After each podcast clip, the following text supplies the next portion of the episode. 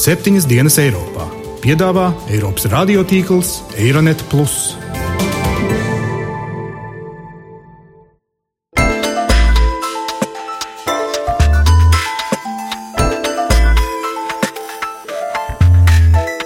Šonadēļ septiņas dienas Eiropā dzirdēsim. Taupības pasākumi nav nepieciešami. Vārdarbība ir transkultūrāls fenomens. Problēmas atrisināšanu uz sociāli vājāku rēķinu. We need change.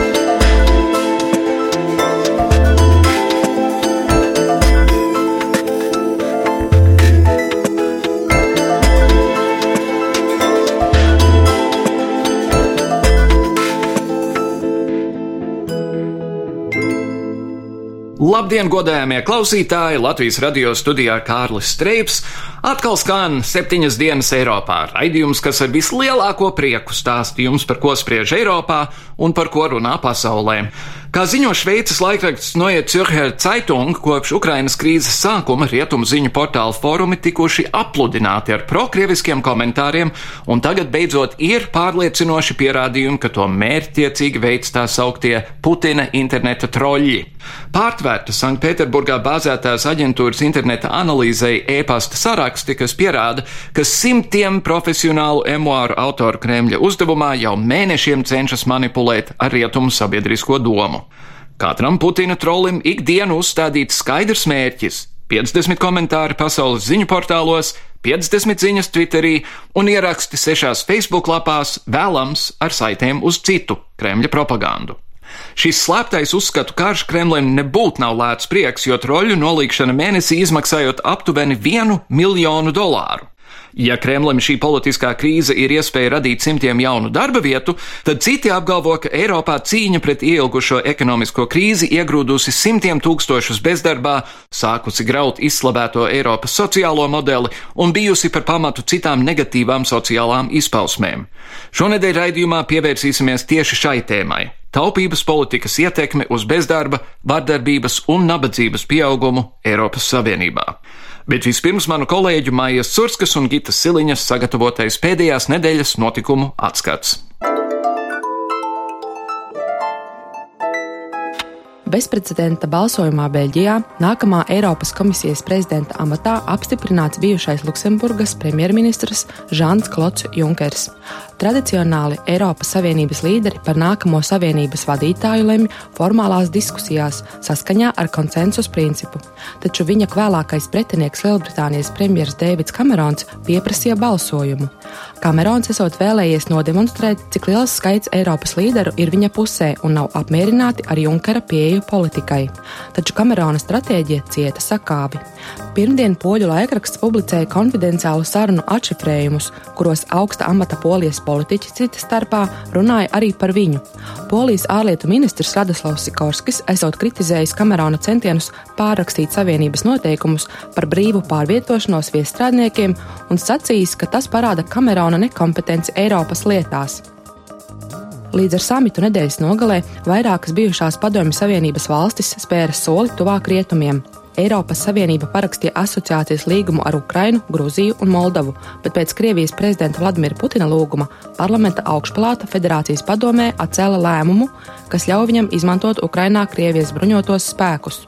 Lai gan starptautiskā sabiedrība to nosaukusi par pirmo reālo soli krīzes risināšanā, kā raidsabiedrībai Reuters norādīja Kārnegija centra eksperte Marija Lipmane, Putina lēmums ir tikai simbolisks žests rietumiem, jo Krievijas prioritātes ir palikušas nemainīgas. Es uzsvērtu, ka šis ir ļoti būtisks, bet simbolisks solis. Es arī teiktu, ka tas lielā mērā ir saistīts ar jaunāko Eiropas Savienības samitu un ar sarunām, kas Putinam iepriekš bija ar Eiropas līderiem un Obamu. Visi viņa brīdināja, ka sekos jaunas sankcijas. Kā norāda eksperti, Putina lēmums ir samazinājis iespēju pret Krieviju ieviest trešā līmeņa ekonomiskās Eiropas Savienības sankcijas. Eiropas Savienības līderi bija brīdinājuši tās ieviest jau drīzumā. Tikmēr plašu starptautiskā sabiedrības sašutumu izraisīja Kairas tiesas pirmdien pieņemtais lēmums Austrālijas latvietim Pēterim Grestem piespriest septiņu gadu cietumsodu. Viņš bija vienīgais ārvalstu žurnālists, ko tiesāja klātienē apsūdzībās par islāmistu atbalstīšanu. Austrālijas ārlietu ministra Džulija Bišapa uzsvēra, ka tiesas lēmums ir absurds, jo Greste Eģiptē tikai darīja savu žurnālista darbu. Freedom and freedom of the press is fundamental. Brīvība un preses brīvība ir demokrātijas pamats. Mēs esam dziļi nobežījušies, ka šis verdikts varētu būt daļa no plašāka mēģinājuma apklusināt mediju brīvību. Visi trīs notiesātie, Greste un vēl divi telekanāla Al Jazeera Kairas biroja darbinieki, plāno apstrīdēt tiesas spriedumu apelācijas ceļā.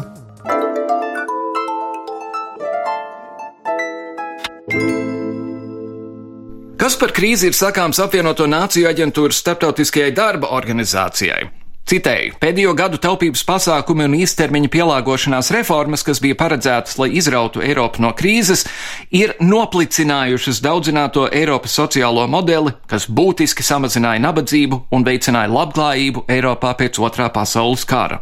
Ziņojumā vēl rakstīts, ka Eiropas krīzes apkarošanas pasākumu sekas nav tikai lēnā ekonomiskā izvesuļošanās, bet arī ilgstošs bezdarba pieaugums, zemākas algas un paaugstināti nodokļi. Kopā šis seku komplekss ir palielinājis nabadzību un sociālo atstumtību, kas šobrīd jau skar aptuveni 123 miljonus cilvēku vai 24% Eiropas Savienības iedzīvotāju. Tas ir par 7 miljoniem vairāk nekā pirms pieciem gadiem. Vairāk par ekonomiskās krīzes sociālajām sekām un atsevišķām tās izpausmēm, kā piemēram vardarbības pieaugumu pret sievietēm, manas kolēģis Gita Siliņas sižetā.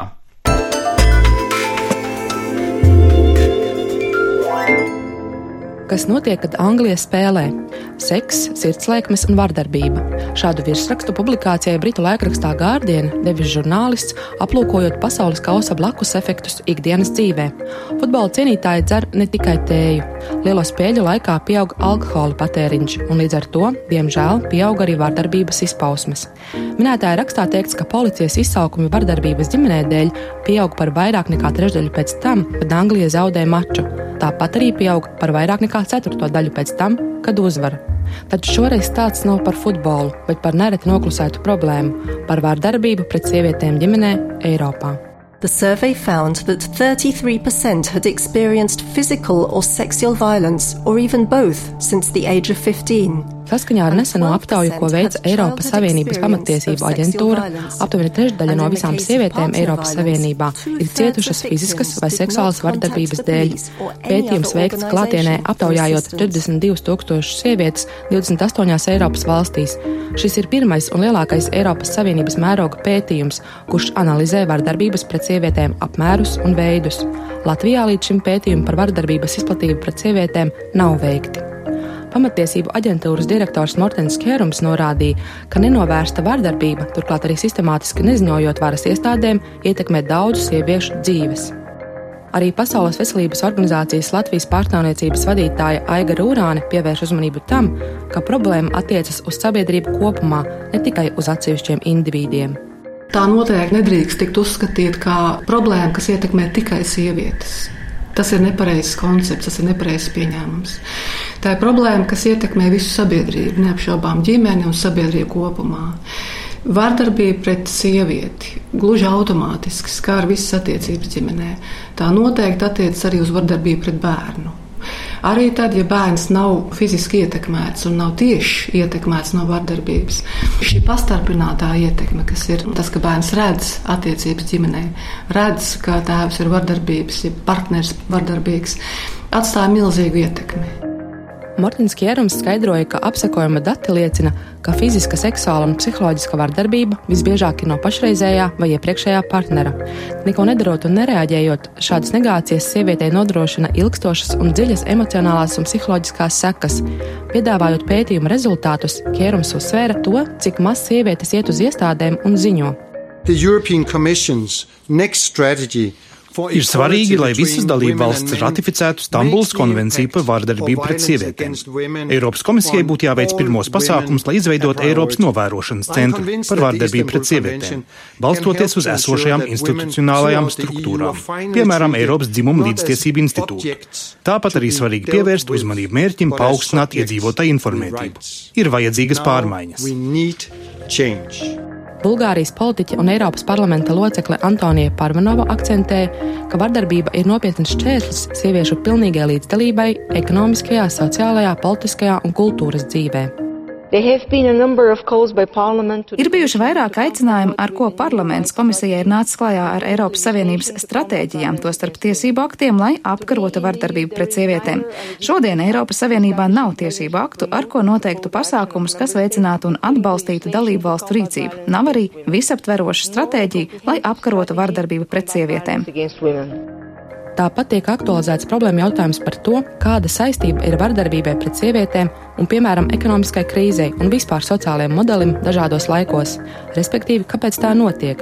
Viena no pētījuma autoriem, Joanna Gūdeja, akcentē, ka ir virkne iemeslu, kas izskaidro šo nepatīkamo tendenci. Viens no vērojumiem ir, ka, piemēram, Ziemeļvalstīs daudz vairāk sieviešu iegūst tradicionāli vīriešiem atvēlētus darbus, kā arī straujāk dodas augšu pa karjeras kāpnēm. Taču šis ceļš acīm redzami nav viegls, un šīs evolūcijas laikā sievietes piedzīvo arī sāpīgus pārdarījumus. Viņa norāda, ka ir jārunā gan sievietēm, gan vīriešiem par šo problēmu. Pētījuma veicēji norādīja arī par pārsteidzošām atšķirībām starp valstīm.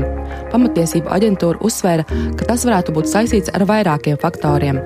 Piemēram, 52% aptaujāto sieviešu Dānijā norādīja, ka ir cietušas fiziskas un vai seksuālas vardarbības dēļ. Savukārt Somijā tie bija 47% un 46% Zviedrijā. Tikmēr Polijā tie bija tikai 19% sieviešu, 22% Spānijā un 21% Horvātijā. Latvijas rādītāji ir virs vidējā līmeņa un ar saviem 32% ieņem stabilu vietu skarbajā top 3. Aiga Rūrāna vērtē, ka attieksmē, reakcijām un spējai runāt par vārdarbību pamatā ir kultūra atšķirības. Vārdarbība ir transkultūrāls fenomens tiešām, un mēs redzam, ka valstī situācija ārkārtīgi atšķirās. Ir valsts, kur šī situācija tiek uztverta atvērtāk, un par to sabiedrībā ir diskusijas. Un sievietes iesaistās, sabiedriskās organizācijas ir ārkārtīgi iesaistītas, un sievietes brīvāk runā par šo jautājumu. Tās gan vairāk ir valsts, kur tiešām ir, kur sociāli ekonomiskie apstākļi ir labāki, un lai gan mēs runājam, ka vardarbības skar faktiski visus sociālos grupas un slāņus, tad mēs redzam, ka tomēr valstīs ar labāku izglītību gadiem, gadu desmitiem garumā un valstīs ar labākiem ienākumiem un turīgākās valstīs šī situācija tomēr tiek risināta labāk. Zviedrijas sieviešu patvērumu tīkla ROKS vadītāja Angela Beausanga skaidro, ka Zviedrijas datos šis skaitlis ir lielāks, jo sievietes ir vairāk informētas par tiesībām un to, kā un kur viņas var saņemt palīdzību. Es nedomāju, ka Zviedrijai ir lielākas problēmas nekā citās valstīs. Es domāju, ka citās valstīs ir lielākas problēmas, jo tur nav likumu un izpratnes, vērtē Beausanga. Māja Mamula no Horvātijas sieviešu tiesību organizācijas Zenska Soba domā līdzīgi. Horvātija ir valsts, kurā izvarošana laulībā kā noziedzīga darbība tika fiksēta tikai kopš 98. gada. Aizvien ir liels skaits sieviešu no vecākās paaudzes un arī lauku apvidos, kuras nezina, ka šādas izpausmes ir sodāmas. Ziņojums aicina pievērst Eiropas Savienības dalībvalstu uzmanību tam, ka vardarbība ģimenē ir valsts, nevis privāta emisija. Pētījums ļauj fiksēt un saskatīt problēmu milzu apmēros, bet nākamais solis - problēmas risināšana nedrīkstētu gaidīt ilgi. Rezultāti un aizsardzības līmeņi pret sievietēm un meitenēm Eiropas Savienības dalībvalstīs ļoti atšķiras. Nav šaubu, ka vardarbība pret sievietēm ir pārobežu dimensija, un tas jārisina Eiropas Savienības līmenī. Ir nepieciešama vienota definīcija un rīcība. Turpina Aiga Rūrāne. Tad tālāk mēs jau runājam, kāds ir kopējais fons, teikt, kā sabiedrība reaģē uz šīm problēmām. Un atkal sabiedrība, kas ir stipra, kas ir ar labu pamatu un ilgstoši attīstījusies demokrātiskos apstākļos ar labu izaugsmas iespēju un potenciālu, kur valsts ir domājusi par atbilstošām programmām, tur mēs redzam, ka sabiedrība atbilstoši arī reaģē pret vardarbību. Pirmkārt, ir jāsaka, ir jābūt tiešām neiecietīgai attieksmei.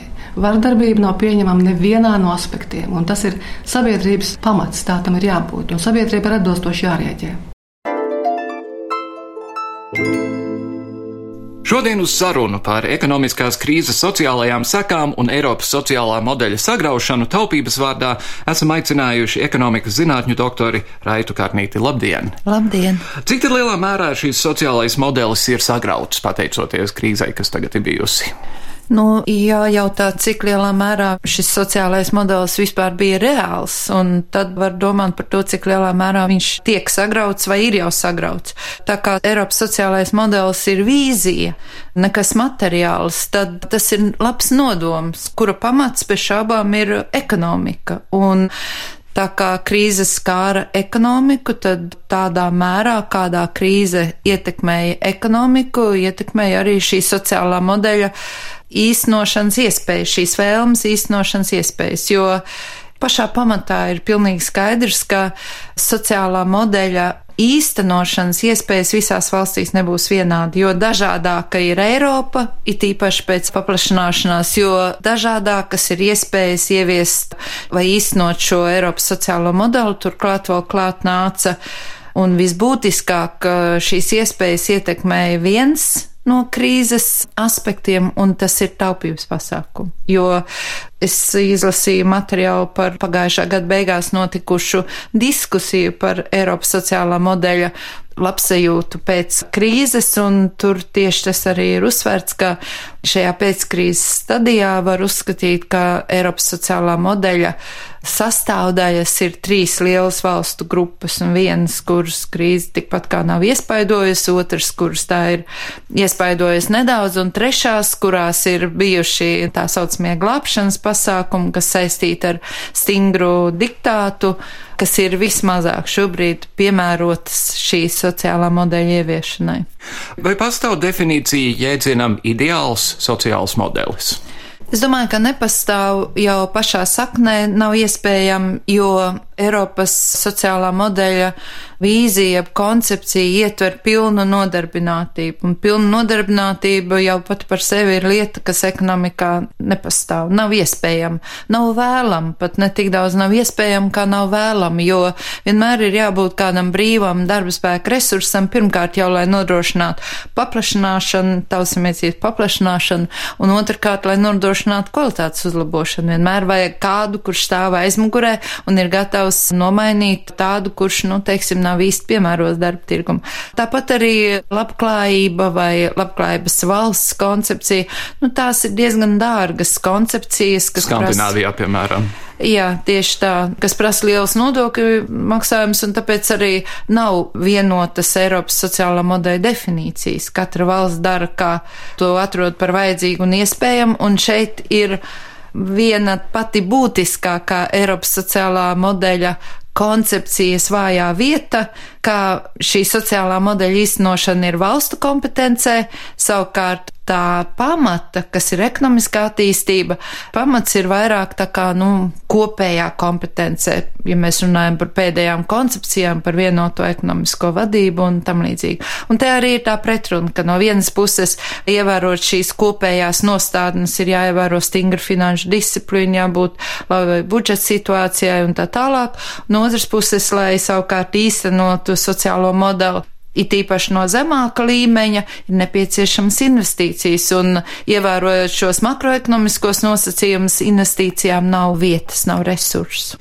Protams, ja mēs skatāmies uz to, kā valstis uzvedās krīzes laikā, mēs bijām ļoti paklausīgi. Savukārt Dienvidē Eiropā bija valstis, kas rīkoja būtībā dzīves mēra laikā, un līdz ar to tagad viņām ir vislielākās problēmas. Tā var domāt, tā ir ļoti laba doma, nomierinoša un tāda siltinoša, bet, bet es neesmu atradusi neviena rietuma eksperta komentāru, kurš apgalvotu, ka taupības pasākumi kādam ir nākuši pa labu. Tieši otrādi šajā sociālajā aspektā visur tiek norādīts, ka tieši tie bija tie, kuri visvairāk kaitēja sociālā modeļa iznošanai tādēļ, ka jau pēc savas būtības viņi paredzēja problēmas atrisināšanu uz sociāli vājāko rēķinu.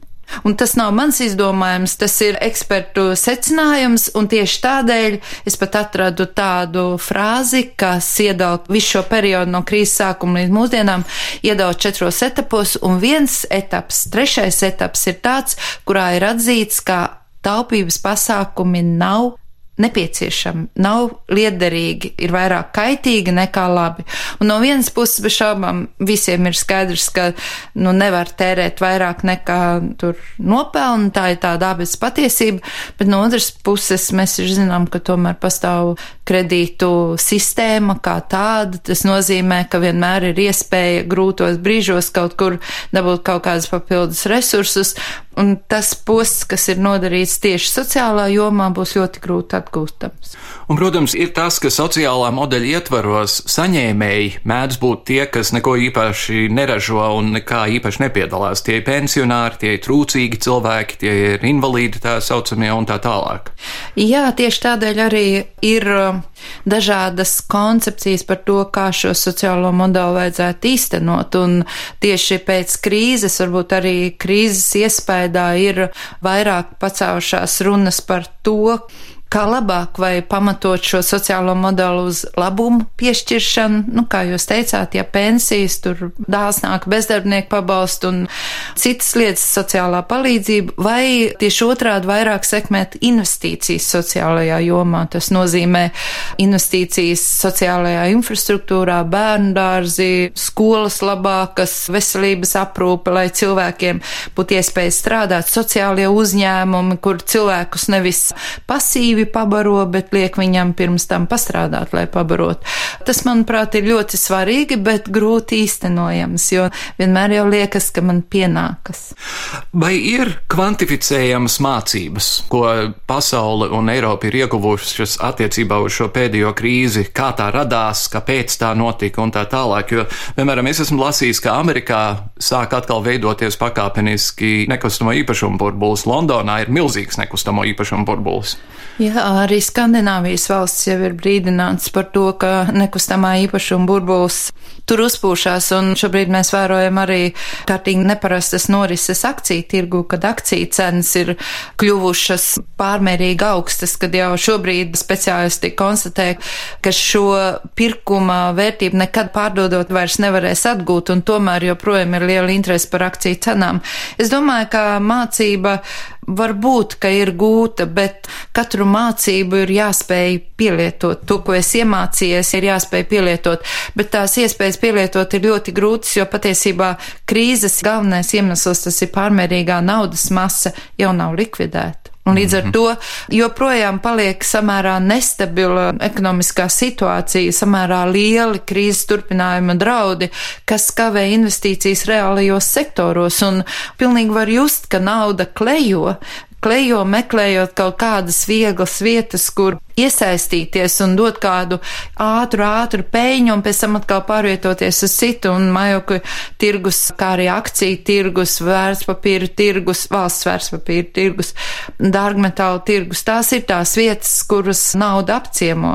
Vai šajā kontekstā jūsuprāt būtu vēlama lielāka Eiropas federalizācija un centralizācija, jo tagad it kā būšot vienota banku pāraudzīšanas sistēma, bet vienot jau nevar pāraudzīt patērētāju uzvedību un kaut ko tam līdzīgu. Nu, ja mēs pieturamies pie savas šīs sarunas tēmas par Eiropas sociālo modeli, tad man jau sen ir Skaidrs, ka ja notiek centralizācija šī modeļa vienā pusē, tas ir resursu sagādē, tad ir jānotiek centralizācija un kopējai atbildībai arī otrā pusē.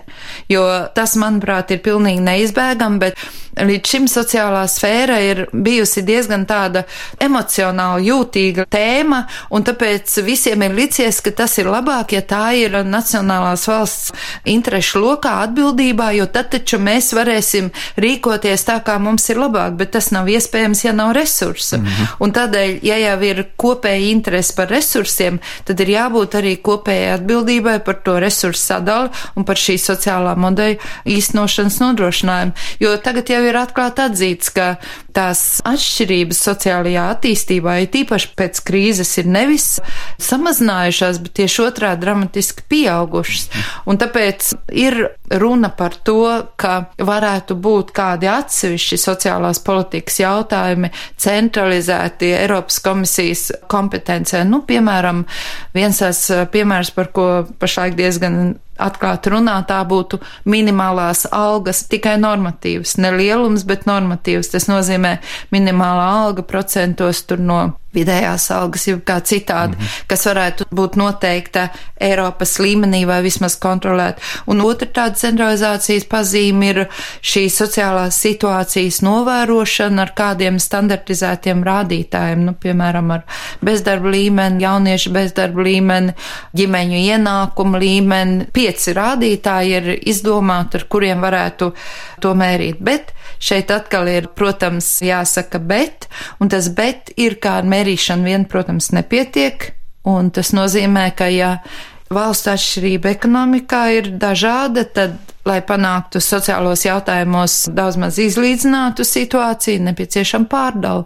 Un tas jau ir tas jautājums, kur ir diezgan grūti atrisināt, jo kurš gan grib dalīties? no jā. Ja runājam par Latviju konkrēti, tad, kad jūs dzirdat vienotību un valdību sakām, krīze tagad mums ir garām, vai jums veidojas smaids, smīns, asaras acīs, jūs mājat galvu?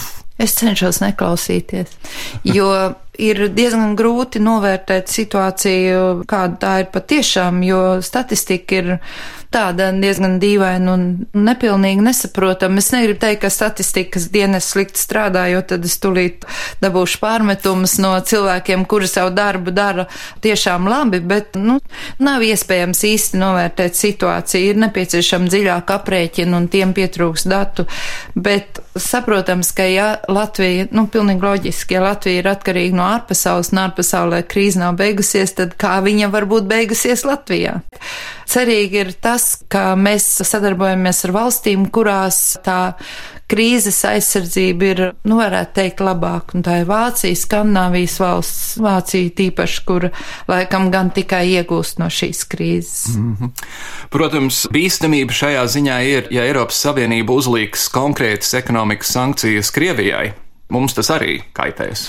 Jā, tas tā noteikti būs, bet pat ja tas nekaitēs mums tieši, nu, ja nebūs atkal cūkuši protu vai es nezinu kādu limonādas karu ar Krieviju, tad uh, šīs sankcijas noteikti var iespaidot mūsu partnervalsts, nu, teiksim, kaut vai Vācija. Mm -hmm. Un tādā veidā mūsu skart, nu, bez šabām sankcijas nepaliks gluži bez sekām, un tas jau arī ir ierēķināts makroekonomiskajos rādītājos.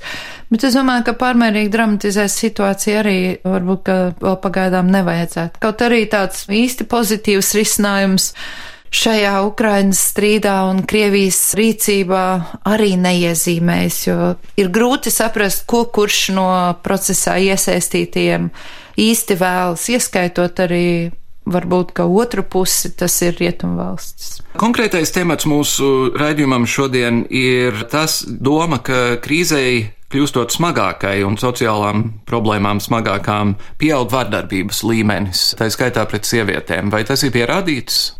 Ja runājam par pasauli, tad iespējams, man gan nav tā uzreiz rokā ciparu, lai to raksturotu, bet es nedomāju, ka tas tā būtu Latvijā, jo nu, mums ir cita mentalitāte, cita kultūra. Es nedomāju, ka krīze cilvēkus pataisa tik, nu, es atvainojos, skarbus, ka viņi varētu nodoties vardarbībai. Bet, protams, ka nabadzība cilvēkus nepadara labākus. Tā padara cilvēkus kašķīgus, drūmus, depresīvus. Bet risinājums ir emigrācija, un mūsu cilvēki to labi izmanto. Es vispār neredzu cilvēkus, es redzu stārķus, es redzu govis kaut kur ganāmies, es redzu varbūt zvirbuļus, bet ne cilvēkus, un tas ir briesmīgi, tas ir arī mazpilsētās. Braucot cauri mazpilsētām ir tukšas ielas. Ai, ai, ai. Tas arī ir krīzes sekas. Tas ir tas nenovērtētais, tas, ko tā pati vienotība neuzdrošinās savai tautai pateikt, ka ceļi ir sabrukuši, ka cilvēki ir aizbraukuši, ka sociālās garantijas ir sagrautas. Jā. Katru nedēļu kādas apdzīvota vieta tiek svītrota no reģistra. Tieši tā izmirst, jā. Rietuma eksperti spēja atzīt trūkumus, tad, nu, vai pareizāk sakot, negatīvās lietas, ko ir nesusi tā vai cita situācija informāciju, kas ir nepieciešams, lai lietas uzlabotu, jo nevar uzlabot to, ko tu paslauki zem paklāja apakšā, lai nebūtu lieku kreņķu. Lai jums veicas ar cipariem. paldies! Raita Kārnīte, paldies jums par sarunu!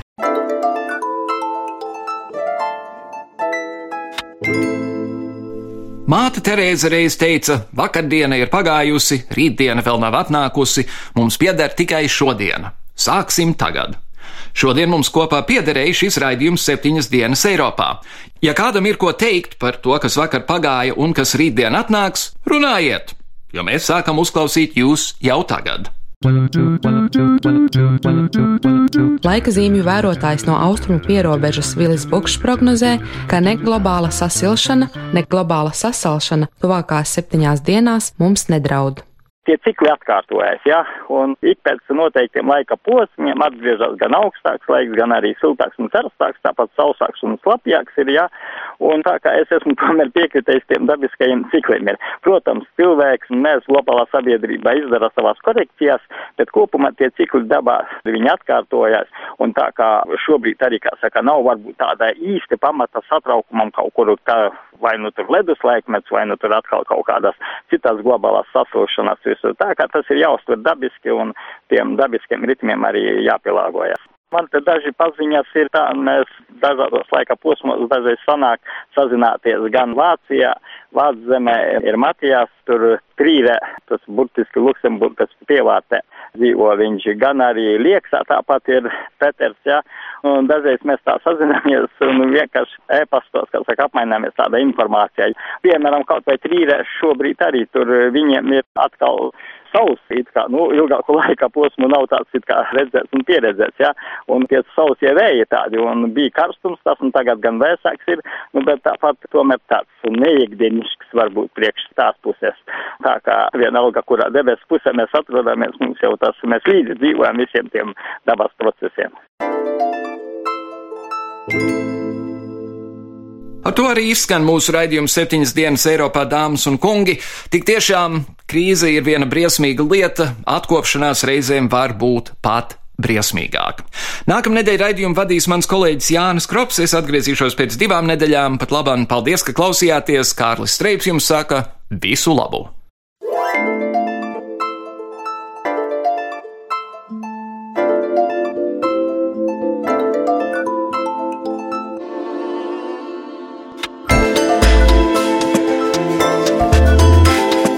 Raidījumu veido Kārlis Streips, Gita Siliņa un Jānis Krops.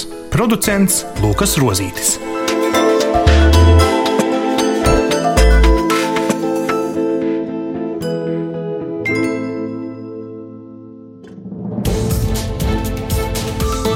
Visus Eironet plus sižetus un raidījumus meklējiet Latvijas radio mājaslapā.